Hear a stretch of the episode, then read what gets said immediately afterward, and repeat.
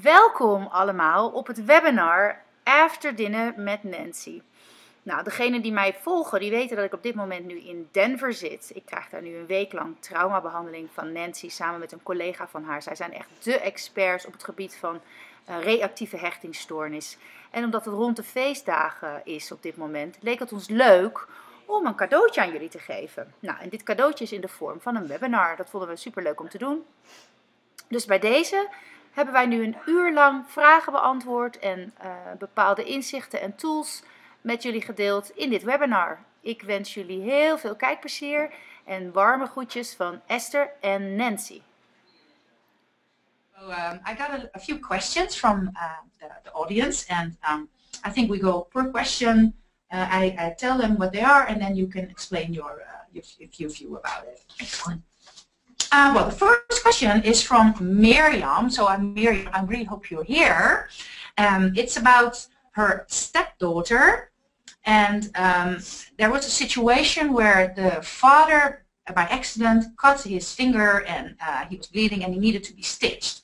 And the daughter was really in um, survival mode, so screaming, uh, uh, but also cursing and, and hitting, and um, even if the whole situation is already uh, back to normal, so the father went went to the hospital, got stitched, and, and everything should be back to to relaxed modus. She will stay in this mode of screaming, crying, cursing, and um, the question is, how do I deal with that? Okay. So when we have a child that has a problem with um, the stress is too high and she gets overwhelmed, especially it sounds like blood, because there was another incident with the brother, um, is too much for her. So we have her build her ability to handle it by practicing. Okay. Okay. So we would have three or four times a day after that where she would um, you know, the, the brother and the dad would put some ketchup. Oh. Ah, ah, ah, you know, like they're really hurt. Oh. So she can go crazy and calm down and go crazy and calm down more often to learn how to handle things. And then practice when somebody's hurt, we go to them, we help them. We don't get wrapped up in our stuff when they need us. We reach out to others. Um, but in the meantime, she has created a lot of havoc for the family and very much stress. Yeah, yeah. So we're going to do a little role play. Um, Jasmine is here. Jasmine. okay, so we'll do, let me move this out of the way. All right. So, yeah, scoot your chair in. There we go. A little bit more. A little bit more. Okay, so we'll pretend that it was Yasmin. It was not Yasmin, but we'll pretend. Okay, so Yasmin, what happened? I cut the finger. No, your your dad cut the finger. Oh, your dad cut the you finger. You were screaming. I'm screaming. Yes, yes. Good job telling the truth. So then she's not mine, so I would high five. Okay, if she's my child, I would give her a big hug for telling the truth. All right. And um, what are you going to do nice for your father? Uh, uh, an exercise. And, uh, a chore. A chore. Okay, so you're going to help him with a job, okay, that he has to do. So what job does your dad do that you could help him with? You can't go to the office. Uh, I can help with the work. Okay, what work at home does your father do you could help with? Um, with uh, fruit, the vegetables. Mm -hmm. That's his work at the office, but at home, to help the family. Je moet een taakje van papa gaan overnemen. Of je moet iets doen om het goed te maken voor papa. Um, clean the room. Oh, clean, vacuum his room? Oh, okay, that sounds like a good plan. I think you would like that. All right. So when the children take from the relationship, we have them give back by doing an act of kindness. And, you know, at the time, it's needing to deal with a medical emergency situation. So um, we wouldn't deal with it right then.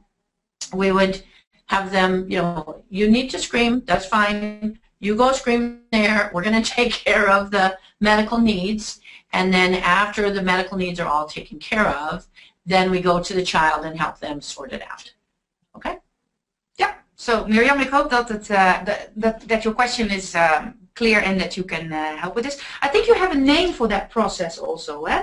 when you do the, the, Oh, the yes. different uh, steps. We call it brain-based behavior Yeah. interventions. Yeah, yeah. And we usually do a brain shifter first and then ask them what happened and then have them come up with an act of kindness to give back. But when it's the next day and they have already calmed down, Oh yeah, yeah, yeah. sometimes they don't need to do the brain shifting. Yeah, yeah, yeah. And the, the, the, the tools that you developed are not just tools that you thought of. It's really like well-based Oh. evidence before uh, you practice it on the on the kids. Eh? Absolutely. Yeah. A lot of research. Yeah, exactly. Um, then I had another question from Linda. So thanks for your question. Linda is a therapist, and Linda wants to ask Nancy, uh, what do you do if the parents see the behavior of the kid as the um, zeg je, oorzaak, the cause of their problems? Do you under, understand what she's saying? The parents see the behavior of the child as the cause of the parent's problems. of the problems um, when when she gets the parents into the therapy uh, room, um, the parents have a hard time um, looking over the behavior of the of the children. So they get stuck into looking at the behavior and see that as the cause of the problem. Okay. Okay. And we often do. When we have a child who's lying, we want to focus on stopping them from lying. If they're stealing, we want to focus on the stealing. And the therapist's job is to help us to look at why. And a lot of times we ask the child, why did you lie? Why did you steal? Because we're using the logic part of our brain and we want to understand it. But the children, they don't know why. They just, I'm mad. I stole it because I was mad. You know, I lied because I was angry. Um, so when we have a mental health professional, they don't focus on the child. They don't focus on the parents. They focus on the gap between the two of them, which is where the problem is. And if we look at the brain, let me see if I can get this up here. This is a, a normal, healthy brain. You see, the red part, let me see if I can hold it really still. The red part is the most electrical energy. You see in the top area there, that's in the forehead. Where logic and reasoning is, that's where we can answer why, okay? And then if we look at the abused child's brain, one who has too much trauma, then we see the red part is in the back, which is where we have arguing and fighting and defense. I didn't do it. It's not my fault. You're the bad one. I didn't do it. You know, and all of the screaming and fit throwing that comes from the back part of the brain. So we use the brain-based behavior interventions to shift gears from back here to up here. When we get angry, it lights that back part up and then we have more arguing, more screaming, more fighting. And when there's any alert or an alarm, like um, the child we talked about earlier where the dad was injured and the brother was also injured and there was blood, and then the alarm sets that off, and normally a baby can what they call self-regulate. They get upset and they can calm down. Our children who have this back part so big, they can't calm down quickly. They get stuck and it just goes over and over with the screaming and they can't calm themselves. Tiny babies learn to calm their heart when it's pounding and they're scared. They learn to calm it by being held up against mom's heart mm-hmm. or dad's heart, not anybody else, but mom or dad's heart. Then their heart hears the parent's heart physically and their heart goes into sync. So instead of here, it calms and they learn to get upset and calm, get upset and calm. There's a loud noise. What was that? Oh, mom's not scared. I can calm myself.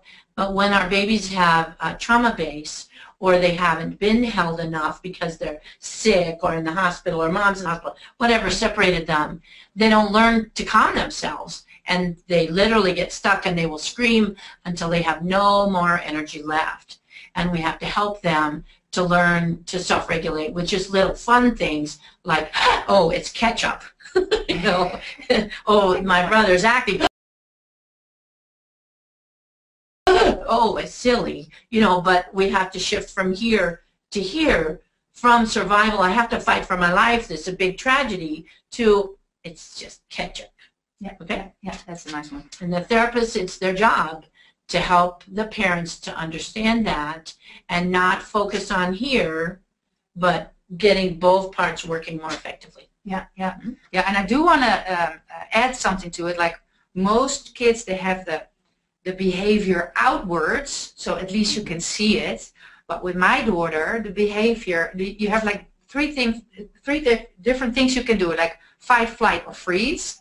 So the fight is the screaming and the yelling. The flight, okay, they leave, but you also have to freeze. And for me, it took me years to understand that that was also a survival uh, mode.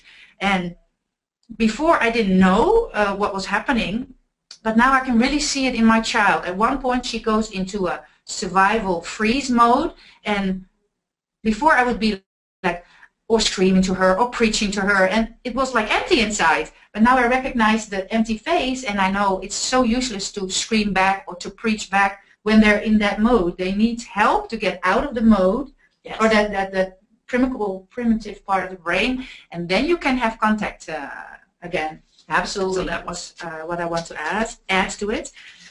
Um, num. then I have uh, Debbie. Um, let me see if I can, maybe I'm out of my laptop. Oh no, uh, Debbie, Debbie, Debbie. Thank you so much, Debbie, for your email. It was a nice, um, um, big email. Um, I won't tell the whole story, but um, the questions that you want to ask Nancy is, how do I deal with the behavior of your son that is really like, um, I don't know the translation, but really like um, zuigend. How do you, zuigend, like really like manipulating, uh, teasing. We talked about it uh, at your uh, ranch, like, I forgot the name, I forget the name right now, but it's really like, not externally, um, it's really, I think it's, uh, oh, I forgot the word. Um, sneaky. I think it's the word sneaky. Okay, Like really like, yeah, all the time teasing and never stop, but it's never really out there. It's always like in a sneaky way. Okay. So how do you deal with that? Um, so is he stealing or bothering people or when, when he's being sneaky? And how old is he? Uh, uh, uh, uh, even kijken, let me see. Hmm. I don't see ages, ages of the boys. Hmm. No, but she does say, uh, oh, this is another son. No, this is another son. Mm, mm, mm, mm, mm. No, Okay. no, I don't know. Um, so when we have a child who's being sneaky and stealing, for example, or sneaky and bothering the brother and, you know, poking and poking and, I didn't do it. I didn't do it. You know, that kind of stuff. I think they're more. They're, uh, I have a, um, a stepmother of a twin, uh, and there are eleven. Okay, 11, so that's good. Um, so we keep them separate if they're bothering each other. So they one would play over here, one would play over there, and I would be in the middle um, until they play appropriately individually. And with me, I don't have them play with each other. If they're being sneaky about other things, the stealing or whatever, um, it's what we look at their emotional age and many of our children are very, very young. Their body's older, 11 years old we have for these twins. But emotionally, many times they're two or three years old emotionally. And so what would we do with a two-year-old? We keep them close.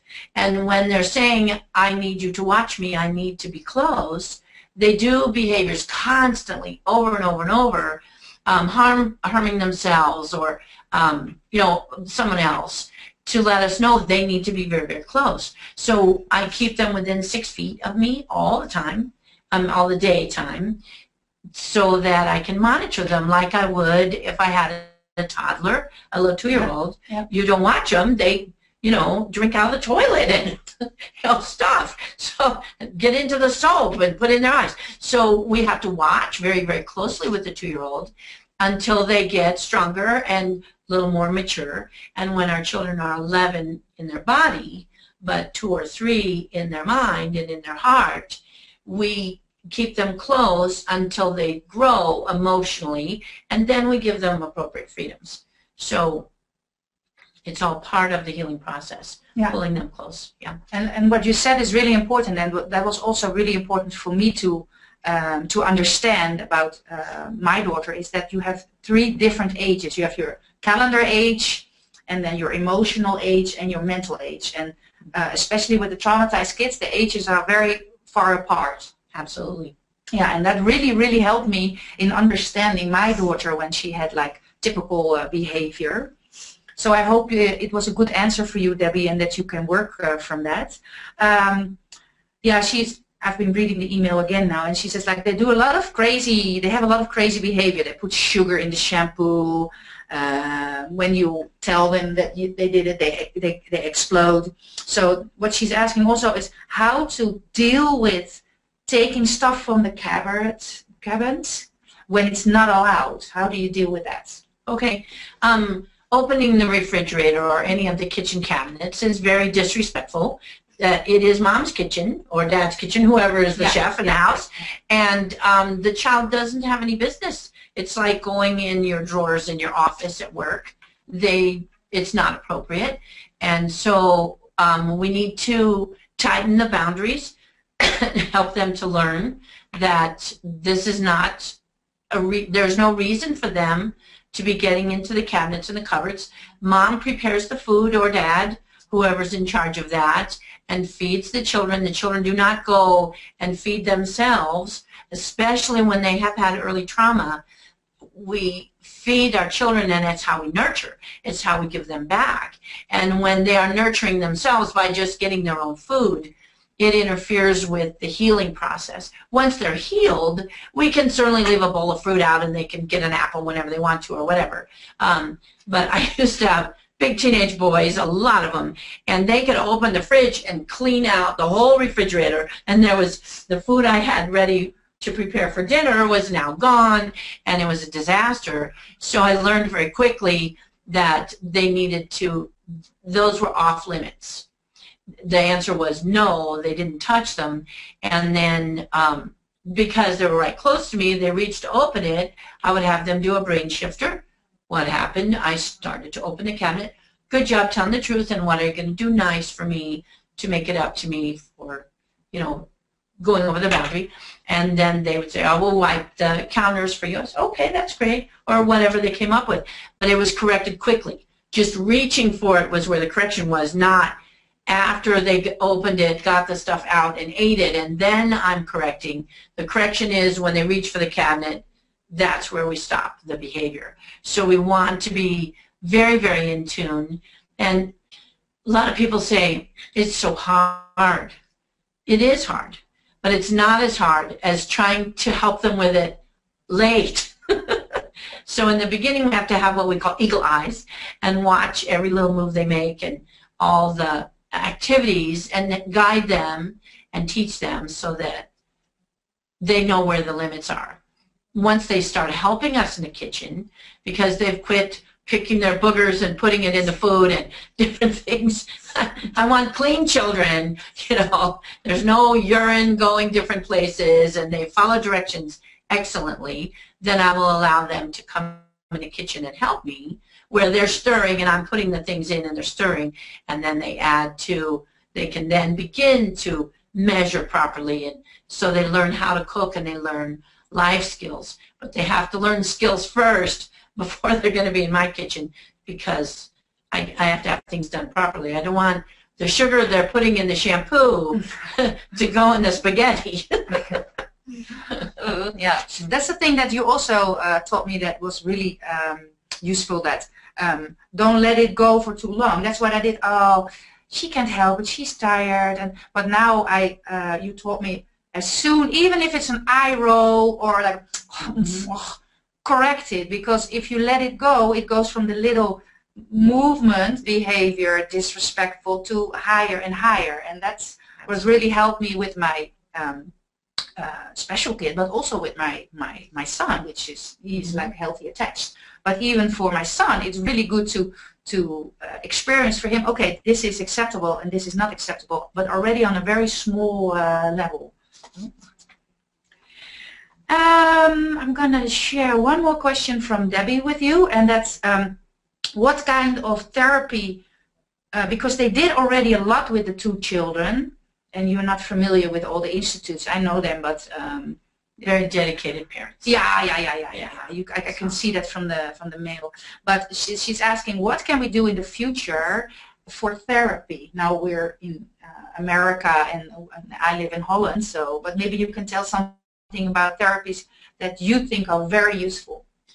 Um, therapy is very, very important for our children. And unfortunately, there in the Netherlands, um, we have not found a therapist who's trained to deal with children with attachment issues or reactive attachment disorder or even severe trauma. Um, there may be some, we just haven't gotten their connection. But here you are, all the way in the United States, because you also could not find the right therapy for your daughter. And um, we need to get more training there for the mental health professionals. I know there are a lot of very caring professionals. We have some that have asked questions that are on the webinar that are looking for answers. How can I help my clients better? Um, we use uh, narrative therapy, which is um, a style of EMDR, which was developed for the war veterans because they found our children have as much trauma many times as someone who has been to war. Um, so that has been a very helpful therapy, but if they aren't trained in how to do it with children who don't trust, then they will say, hold that thought, watch my fingers, and we have a child who will not hold the thought, who will not watch the fingers, and the therapy is useless, and we've paid money and gone all the way to the, set the time aside and everything, and, and it can't work. So um, we have had to find ways for the therapy to work with a child who will not cooperate, um, who doesn't think there's anything wrong with them. It's my mother that has a problem. I'm perfect, you know. And until they get healthy enough to see they are the one with the problem, we have to help them. Like, you know, with a little child, we take them to the doctor. We don't say, you know, do you want to go to the doctor? we just take them. So they're too sick to know. And a therapist needs to know how to work with Yeah. a client who doesn't see any difficulty that it's their mother. If their mother would just stop asking them to brush their teeth and make their bed and do their schoolwork, then they would be fine. That's what they think. Okay? Well, a loving mother does say you have to wash and you have to make your bed and you have to get your schoolwork and your home chores done. Yeah. So they need to learn to cooperate and follow the leader. Yeah, yeah. I want to add a, a little bit about that is that um, the, the stuff that you have told me um, I didn't get uh, in Holland anywhere, but I did. I was lucky to uh, to do find good therapy, and I discussed it with uh, with Nancy. That's a differentiatietherapy and the fast therapy. You were not uh, familiar with it, eh? with the face their therapy. Face Fetal therapy. alcohol. No, no, no. Yeah, oh, we- the still face, the research on it.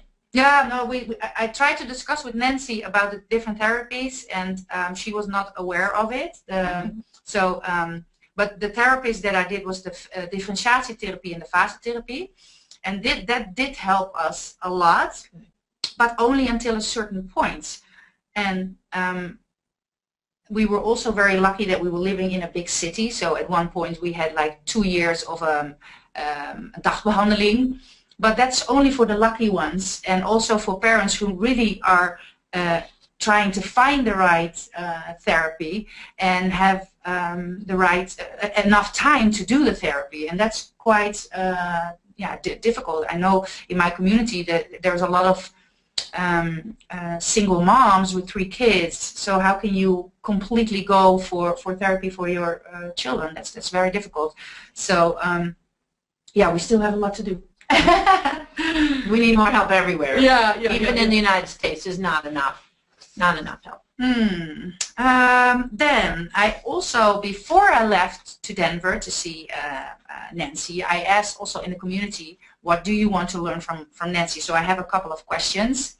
And um, um, I, I got many actually, but I have um, some questions that were uh, asked over and over again. So I want to ask what, some of those questions also. And uh, one of it is that it got like the most crosses and it's like, how do I explain what my child has and how do I deal with the surroundings, so with family, with friends, with the teacher, um, that don't understand because very often, also with my daughter, she's just nice and charming to other people or to the teacher and at home she has a totally different face. So how can you deal with the not getting the support from the, the people around you and how do you explain?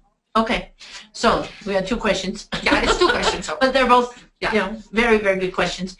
Um, I used to try to get people to understand what my life was like living with a very disturbed child. And I would spend a lot of time telling all the horrible things my child did so that people would have compassion for me and be able to support me better. And then I realized they could not understand. It was not understandable I, I know. um, living with our children, with the pain that we have as parents, with the worries that we have, with the exhaustion and the fear because of their behaviors from their past, um, no one can understand unless they live with it. They can't.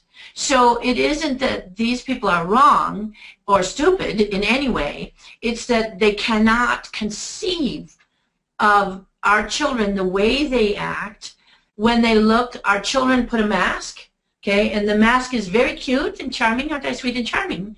But behind the mask is anger and fear and i hate you and you're the worst mother in the world and oh you're my favorite neighbor. You know you're my best teacher. You know so we have the mask and the real child. So the mother sees the real child. Sometimes the father also sees the real child but they target the mother. So I talk to people who have the same children I do, and I know they understand. And the people out in the community, I don't share with them because they cannot understand. There's no way. But then we have grandparents and um, people who do need to understand what's going on. And for them, I explain, if my child had diabetes, you say diabetes? Yeah, d- diabetes. Okay. Yeah, Um, would and I told you my child has diabetes. Would you question me? Would you say, well, she doesn't look like she has diabetes to me, or would you just believe that the doctor has said my child has this condition? Well, people will just believe you because they don't look different on the outside to a child who does not have diabetes. Then, if I say, please do not give my child with diabetes a big piece of cake at your party. Would you say, oh, you're a mean mother? Yeah. You're awful. You won't let your child have a big piece of cake. I will give your child a big piece of cake because your child should have cake. Or would you say, oh, with diabetes, this child cannot have cake. The child could end up in the hospital. Yeah. So our children who have emotional disturbance from trauma have to have limits and boundaries that are different from a child who has not had that early history. and we give them too much freedom, they can end up in the hospital, but it's the psychiatric hospital, okay? the psychiatric not the physical hospital. With our children, we have to do things that are hard. We have to say, no, you cannot go and play at the neighbor's house or whatever it is. We have to do things that are very difficult just as a parent has to do when they have a child with diabetes. You have to have a syringe with a needle with medicine in it, and you have to poke it in your child's skin to keep them alive. How hard is that for a parent and for a child too? And when you have the syringe and you're ready to poke it in your child and somebody says, oh, don't do that. I never did that with my children and they turned out just fine. You're a crazy mother poking that in your child. You should not be doing that. Well, we would say, you don't understand. My child has diabetes and they need this medicine. With our child that has emotional disturbance, they need to be treated differently and when we are questioned and challenged, it makes it much harder for us as parents and much, much harder for the children. And it hurts. So when we can explain it that way to grandparents that need to get it, they can go, oh, okay, this makes sense to me. I need to believe you and I need to trust you that you are a loving parent doing what you believe is right for my grandson or my granddaughter. rather than thinking you're evil or crazy and you are trying to hurt my grandchildren. I need to trust you, love you, and believe in you. And it's like, yep, that would work for me. If you would trust me and love me and believe in me, it would work really well. Because working with a sick child is exhausting and demoralizing and we feel like bad parents and we feel like failures and we feel useless. And then when those that are supposed to love us and support us hurt us more it makes it unbearable. So i know i've been there. We have to support each other. That's the best way to do it. Parents who live it and understand standing together we know we're not alone. We're not crazy. We're not bad parents. We have a sick child and we're looking for the right answers to help them to heal. Yeah, that's nice. Because uh, what, what you're saying also about uh, what, what I felt, the emotion that I felt throughout the years uh, was loneliness. Yeah. Um, that's also because that's why I started this whole community. That's why I wrote my ebook in the end. Is that um, because the other people don't see it and don't, they don't understand it. You live your battle all by yourself in your own uh, family. You're lucky if your husband sees it and understands it, but very often they're very different to the to the father. So um, the overall emotion that I had was loneliness. I felt so lonely, and then like you said, I tried to explain. Yeah, but she does this and this and this. Oh, my kid does that too oh, but this is different, and she's rejecting me really on my, my soul level, like I like I'm not a good mom, and I'm the only mom in the world that yeah has a child that doesn't love me, and that feeling is so horrible and so yeah you carry that. It hurts. Yeah, it hurts. It's such Yeah. a big pain, and still you have to go on with your life and go to the the school and like, and, and be all like lovey, uh, happy, jolly but it's such a struggle. And uh, yeah, Well, that was really hard. but that's why it's so wonderful that you have built this community. You have Yeah. 3,000 people Yes. that can talk to each other and understand Yeah. we're not alone. Yeah. We have all these people who understand us and we can share thoughts and ideas and come together to help our children to heal. And we can share the victories of, Yeah. my child didn't lie all day long. Yeah, yeah, yeah, yeah. We have victories like that. Yeah, yeah, yeah. My She- child brushed his teeth. Yeah. Oh, she didn't put all her food back on her plate after she ate it. Yay! yeah, yeah, yeah. And the whole community and the whole, uh, uh, yeah, the, the training that I give now started actually from loneliness. Like at one point, I was thinking, this cannot be that I'm the only mother in the world with a child like this and with feelings like this. I just couldn't believe it. And but then where to start? Because in Holland, I also found out is that um, I was lucky with the therapy and the institutes, but I was never connected to other mothers because at one point I was like, can we not like have a coffee morning where we can get together? No, privacy, privacy. And I was like, privacy? I don't want privacy. I want to have a connection. I already feel so lonely. And then at one point I said, okay, if nobody can create it for me, I'll try to create it myself. And first I started like blogging and I was like, who wants to read like all these stories, you know, like about my family, but within no time there was followers, and from that, I, yeah, I also because of your content, I created an ebook, Monster in the Class, because I found out that one of the biggest problems that the people in the community have is, is yeah, at one point the kids go to school. Oh, yeah. How do you tell the teacher, even if it's a teacher who really wants to help, Mhm. how do you explain what your kid needs? Because everything needs to be reversed. The whole way of thinking needs to be reversed. And that's why I wrote the book, Monster in the Class. And I don't talk about that the child is a monster, but we call it at home a hechtingsmonster. So it's not the fault of the child, but this, some creepy monster who went into the classroom or went into your uh, home that is like destroying your family. And that's the reason why I, I wrote the book. And with the book, I created the community. Mhm. And it's excellent. It's Very really important. nice. Yeah, it's really nice. Um, let me see. We have 10 more minutes. Um, I think we covered a lot already. Oh, Did yeah. we do line?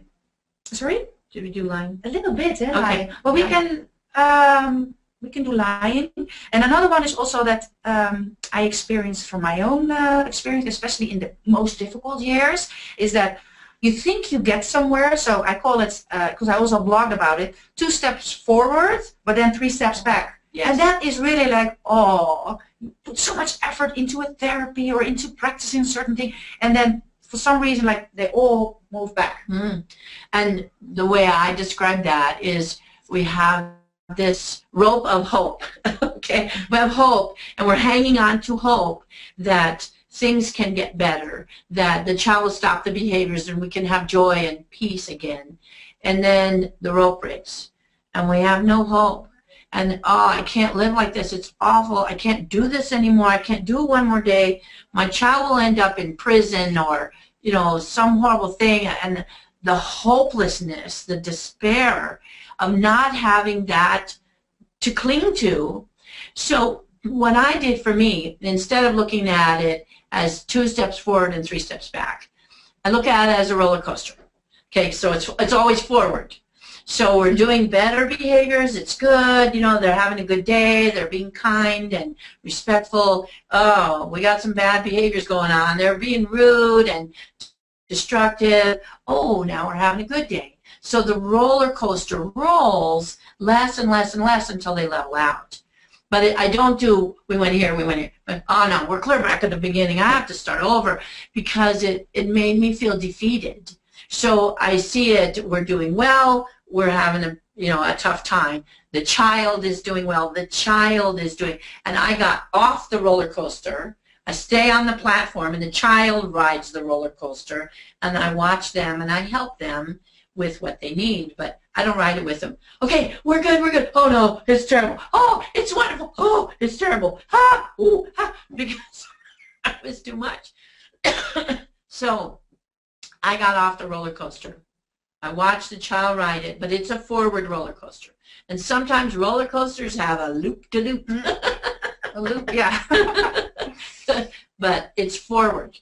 So I needed that hope to always cling to that my child could get better because they can't believe in themselves if we don't believe in them. And when we feel hopeless, they have no hope either. They're stuck. So they have to know we believe they can be 100% healthy, that they can be the superstar that they were born to be.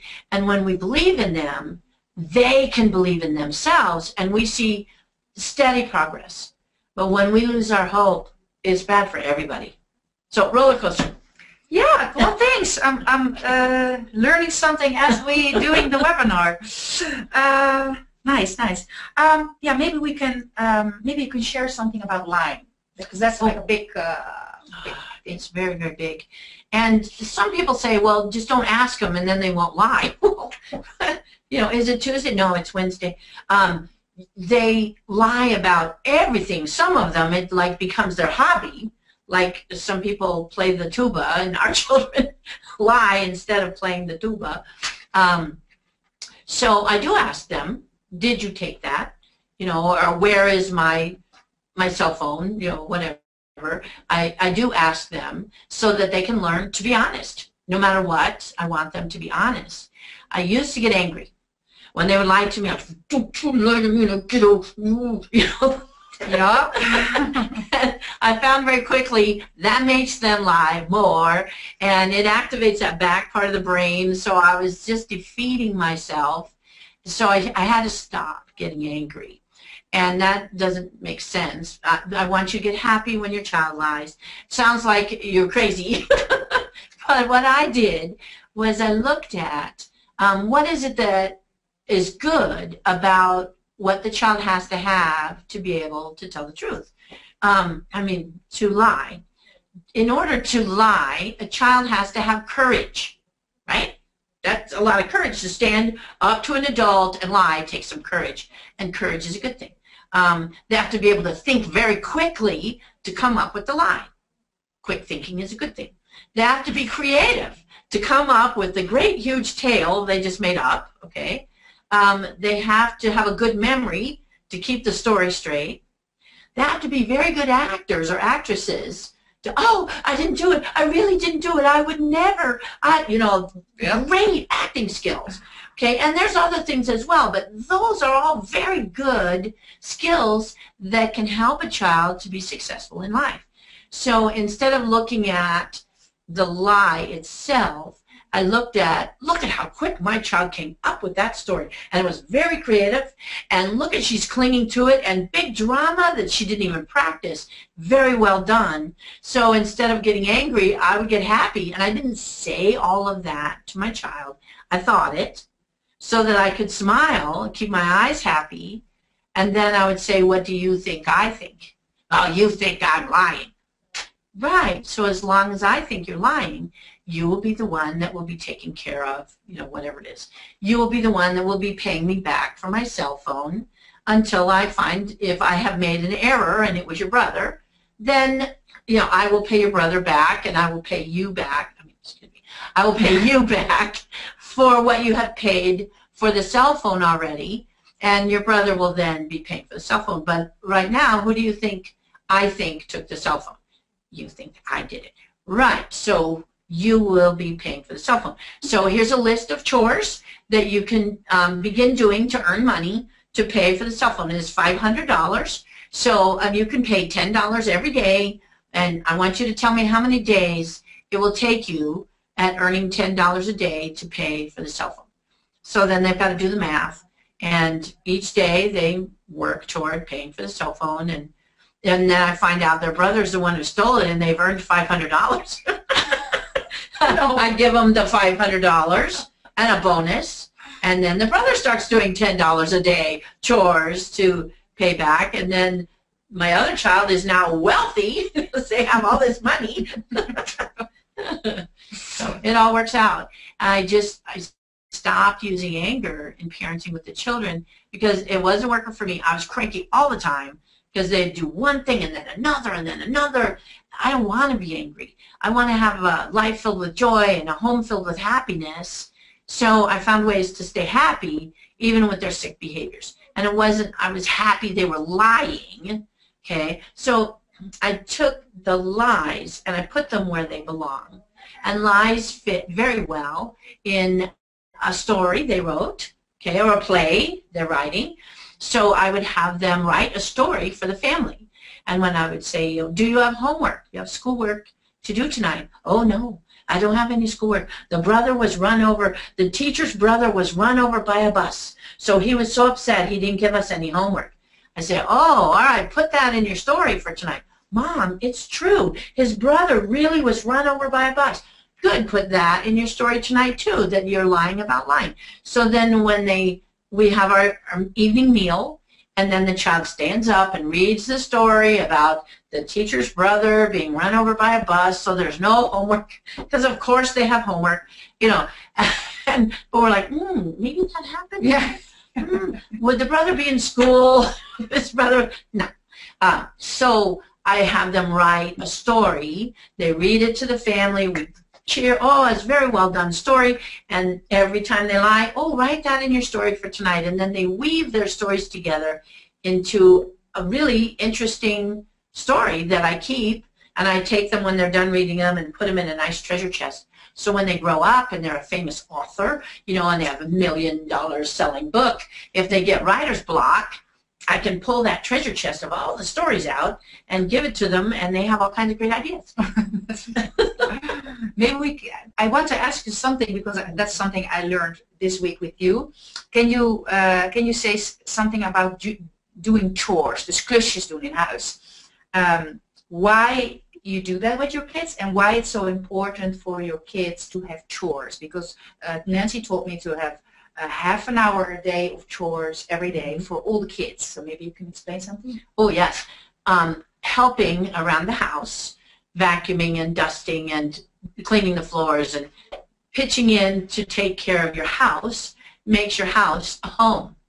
When mom does all the work, she is the slave and the child is to be entertained, then they grow up and they think, I'm supposed to be made happy by my mother. If I'm not happy, it's my mother's fault and I should be angry with her.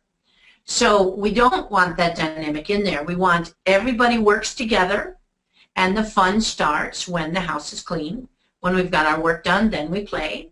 Um, as adults, as children, we get our chores done, then we play.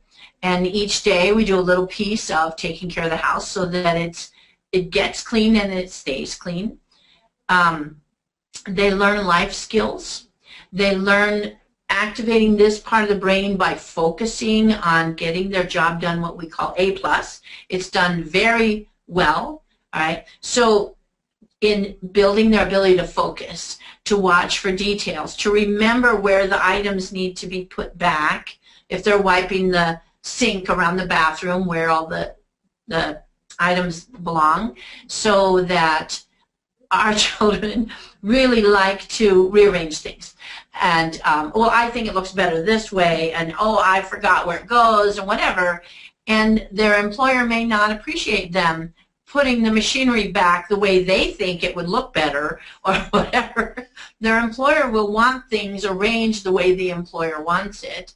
So we're helping them to learn now how to be prepared for their job later in their life, for their career, by following instructions, following the lead, doing it correctly, building their brain so that they can work effectively and efficiently, and they have life skills to take care of their home, have it clean, so when we come to dinner at our children's house to visit our grandchildren, their home is clean and I know they know how to take care of it and keep it in a healthy way. Yeah, and what also what you told me this week is that um, you explain the chore and then she um, or the child can ask, okay, what do I need, or I don't understand this or that, and then when you explained and if you check if the child understood, it needs to do the chore, but then it needs to do the chore and the problem solving within the chore by itself, so it's not allowed to ask anymore and to solve it, and I thought that was really a learning moment for me, um, when your kid does the chore and it, it, it comes to certain challenges, uh, it needs to find a solution, a solution within the chore. And when you start, when they're young, in your home, they feel safe in finding little um, uh, solutions for little problems. I thought it was so, because before I was like, why do they need to do chores? but now I understand it. Sure. And I also can see in the doing the chore, um, they try to test you. So, is it clean? Mm-hmm. Well, I can see from like three meters away it's not totally clean. Um, so within the doing the chores, they can learn by okay, let me test my mother. Oh, she's she's not uh, she's not going for it. So in the end, they they learn how to do A plus, that is team plus uh, uh, quality chores, and that's so important for later on in life. Yeah, it's a very good lesson. Ja. Um, even kijken wat we nog meer hebben. Mm, yeah, to get the right help you cannot help them with. Um, did we say, because I have a lot of um, Red Crosses with um, a big problem, and I, I, I have that too with, uh, with uh, my uh, daughter, is that they, when you don't give them attention, they want all the attention, and when they do get the full attention, they reject. So aantrekken en afstoten. So um, do you understand what I'm saying? So oh, yeah. how do you deal with that? Because uh, as a mom, you have the longing for the closeness and, and the loving, and um, they reject it. But then when you deny them or when you're like all fed up with them, they want to have your attention. So as a mom, you go crazy. and they are kind of the opposite of what you expect with a normal healthy child who has yeah. trauma. Um, they don't do that, but ours do, and people don't understand. So I, I know my child is sick, and I don't get angry for their behaviors. When I go to hug them and they get stiff, I cuddle them, I rock them, I say, oh my goodness, you're so stiff. It's a good thing you have an awesome mom like me to help you to soften up. So I get playful and, and fun with it instead of you get stiff when I hug you because you're rejecting me and I don't deserve to be rejected. And I, I do that self-talk it keeps me angry and cold, so I get playful and warm. And when my child is doing things to push me away, like uh, they roll their eyes, okay, that parents, yeah, yeah. So in, instead of me being pushed away and the child controlling me by, ooh, don't you talk, and I lean back, I get closer and I say, oh my goodness, your eyes, they're rolling around in your head. Let me help you. Okay, look up, look over here, look down. Look. We'll do like some exercises to get, so I get closer and I get playful. And then you know when you have a child who rolls their eyes, when you turn to walk away, they're going to do the whole same thing again. I said, oh my goodness, your eyes are rolling around in your head again. Let me help you. Look up, look over here, look. And we'll do that five times. I say, big hug. I say, it's a good thing you have a mom like me to help you with that because your eyes have gotten really weak. And do they do this in the Netherlands? Yeah. Okay. The middle finger, when they put their middle finger out, um, they do it. So you know, I'm get all angry, and so I get closer. Oh, let me check. Oh, there must be a cramp in your finger. It got all stiff and stuck up there. You know, I want you to do some exercise. Snap work some of the kinks out there. Yeah, see if you can work that out. Oh, yeah, my goodness, that was very stiff. It's a good thing you have a mom like me to help you. So they want us to get angry and move away. I get happy and I move toward them and I touch. And then you know when you have a child that does that, you turn to walk away, their finger's going to have another cramp real quick. Then you go, oh my goodness, it's cramping again. Get some exercise. so I don't let their sickness control our relationship. Where they get stiff, I get warmer and softer until they get warmer and softer. And when they're working to make me angry, you know, then I see that and I intentionally will do the opposite. So I learned how to be oppositional by some of the best. yeah, that's a good one. That's what you also taught me with the, with the eye rolling. I did that, and uh, what Jasmine also does, like,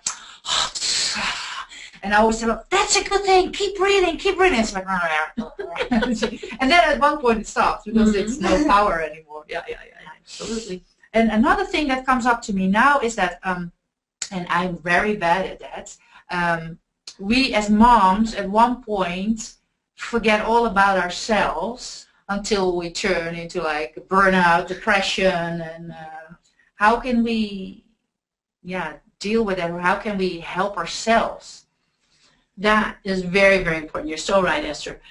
We have to fill ourselves up or we run out of fuel to give. We don't have the laughter and the joyfulness anymore. We just because we're empty and we have given and given and given till there's nothing left. So because the children don't give back to us, but if it's possible, find ways to um, to have a break even if it's maybe a couple of hours at the neighbor or uh, walking a dog of a neighbor, maybe that's they need to be. Oh no no no. Yes, that's pretty healthy. Yeah, no, yes, we can do that now, but if they're not um, treated, then maybe not all kids, but you need to find ways to have a yeah separation that they can go to a nice safe place that everybody feels good, and um, yeah, we created that, so that's uh, almost a must, I think. Oh, absolutely. And, you know, I'm so glad that you brought that up because we do want to wish you a Merry Christmas. and we're all in the holiday season right now. And it is a time of sharing love and giving. And we hope that your children will learn how to share love and how to give back to you because you deserve it. And we both want to thank you so much for all you do for the children. And we hope that someday they will thank you. But yeah. for today, we will thank yeah. you. so thank you so much for joining us. We know it's late there in the Netherlands and you have... You're busy doing Santa Claus. I completely forgot about, uh, forgot about it, but... Uh, this is our gift to you. Yeah, this is ons uh, cadeautje. Special thing. Yeah, uh, so thank you very, very much. Good evening. Bye-bye.